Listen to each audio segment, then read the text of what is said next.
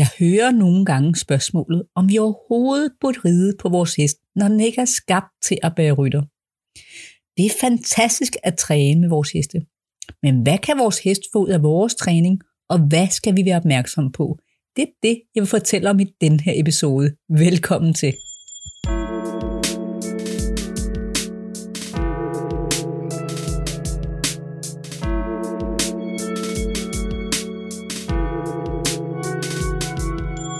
Mit navn er Christina Hollenbæk fra Ride Kunst med Lethed.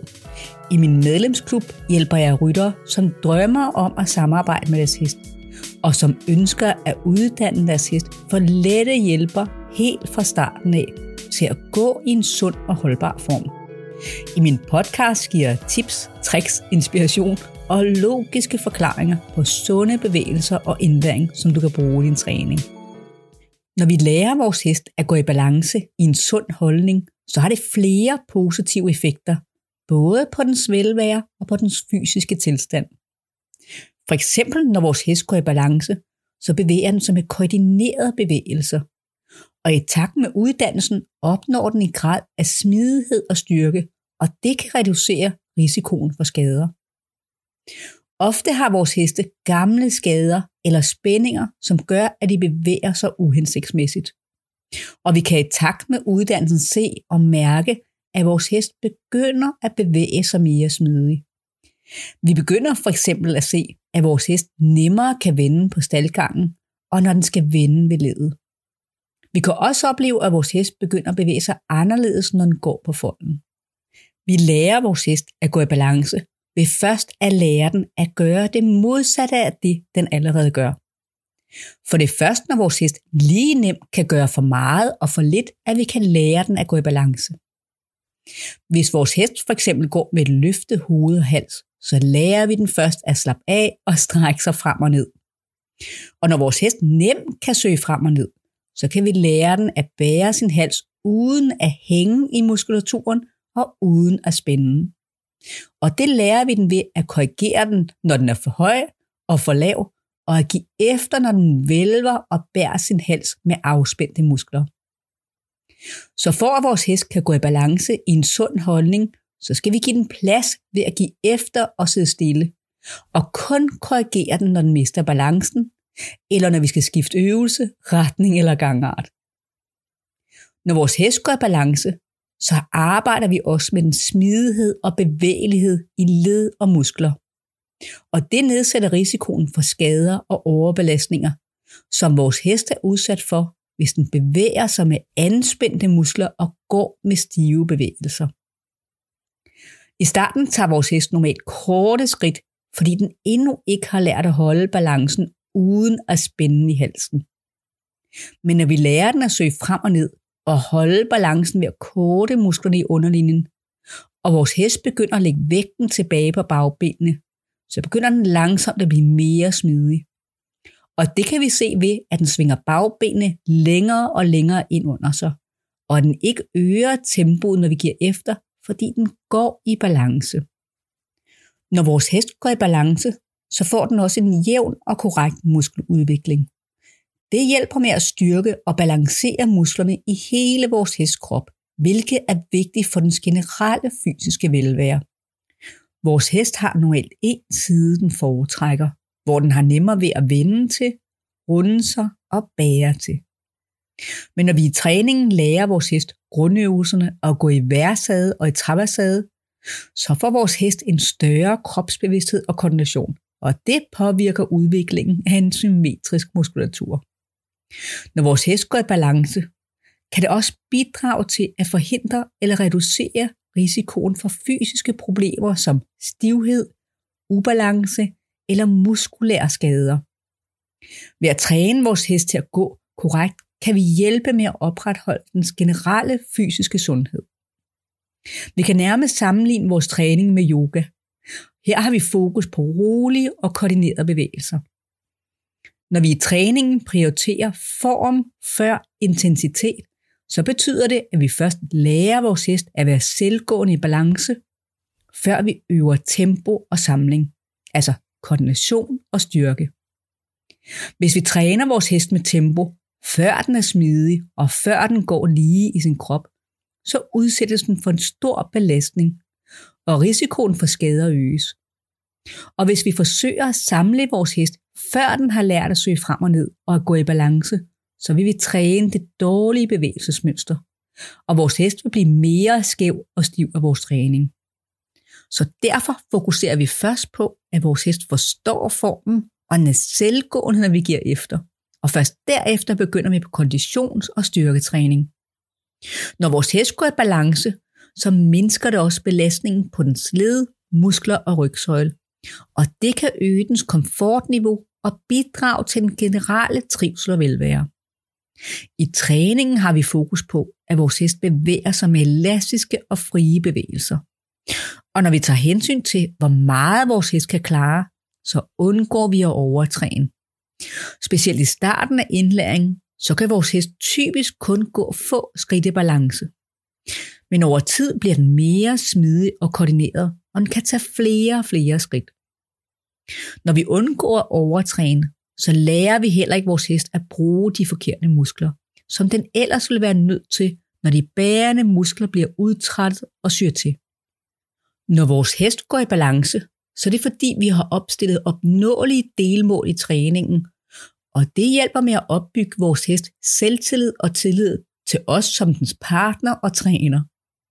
Ved at arbejde med øvelser, der er tilpasset til vores hest evner, vil føle sig mere sikker på sin præstation og være mere nysgerrig og motiveret til at prøve nye ting.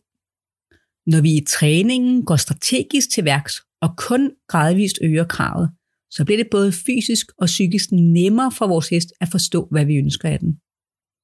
Vi indlærer for eksempel først signalerne i paraden, hvor vores hest får god tid til at lære at koordinere sine bevægelser, og den lærer at holde balancen uden at spænde i halsen. så lærer vi den signalerne gående, og her er det lidt mere udfordrende for vores hest. Men fordi den allerede kender signalerne fra paraden, så er det realistisk, at den kan regne ud, hvad det er, vi ønsker af den. Når vores hest kan øvelserne gående, så lærer vi den det bagefter i paraden under rytter, og til sidst gående under rytter. For eksempel lærer vi vores hest at give efter for tøjlen i paraden fra jorden af. Og fordi vores hest normalt holder balancen ved at spænde i halsen, så vil vi normalt opleve, at den mister balancen og træder et skridt frem. Men når vi blidt bremser bakkerne et skridt, så vil vores hest til sidst regne ud, at den kan holde balancen ved at lægge vægten tilbage. Når vores hest nemt kan give efter for en let kontakt i tøjlen i paraden, så lærer vi vores hest at give efter gående. Og det er mere udfordrende for vores hest, fordi den nu er i bevægelse. Men her kan vi blidt korrigere skuldrene, når vores hest mister balancen.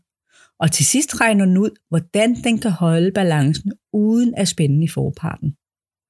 Når vores hest nemt kan gå frem og give efter i halsen, så sætter vi os op og lærer den at give efter for tøjlen i paraden. Igen er det blevet mere udfordrende for vores hest, for vores vægt gør det sværere for den at stå afslappet og give efter. Men med øvelse kan vores hest også nemt give efter igennem hele halsen i paraden, og så lærer vi den at gøre det i skridt. Når vi gradvist øger kravet til vores hest, så øger det vores samarbejde, fordi vi hele tiden tilpasser vores krav til vores hest. Og det betyder, at det ene øjeblik skal vi måske sænke kravet, og det andet øjeblik skal vi måske øge kravet. Men det er på den måde, vi udvikler vores hestkapacitet, både fysisk og mentalt. Når vores hest går i balance, så kræver det også opmærksomhed og koncentration fra vores hest side. Ved at lære vores hest at fokusere mentalt på opgaven og opnå vores små delmål, kan træning give vores hest en mental udfordring og stimulere dens engagement. Det kan være topmotiverende for vores hest sind, og det kan hjælpe med at holde den mentalt sund og aktiv. Når vores hest går i balance, så er det også fordi, at den har forstået alle de små delmål, vi har sat. Og det kan bidrage til afslappning og reduktion af stress. Ved at have klare og opnåelige mål i træningen undgår vi frustration og overdreven pres på vores hest. Det skaber en mere afslappet atmosfære under træningen og giver vores hest mulighed for at nyde processen, hvilket igen fremmer den psykiske trivsel. Det er ikke unormalt, at vi i starten oplever, at hestene enten slukker mentalt, når vi prøver at få dem til at flytte sig for et signal, eller at de bliver usikre og nervøse, fordi de kan være vant til at skulle tage initiativ. Og er der andre bliver frustreret, når de ikke ved, hvad de skal gøre. Men når vi tålmodigt træner vores hest og motiverer med ros for selv den mindste initiativ, så vil vi se, at vores hest ændrer sig og bliver mere nysgerrig og løsningsorienteret. Og det er helt afgørende, når målet er, at vores hest skal lære at være selvgående i balance, og vi skal kunne korrigere med de fineste signaler for ikke at skabe spænding.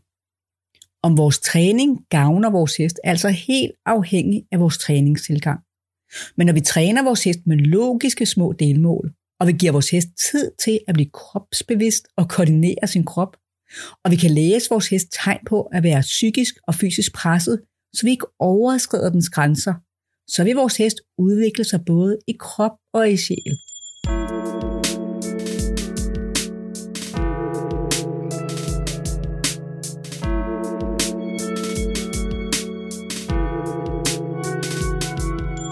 Tusind tak, fordi du lyttede med.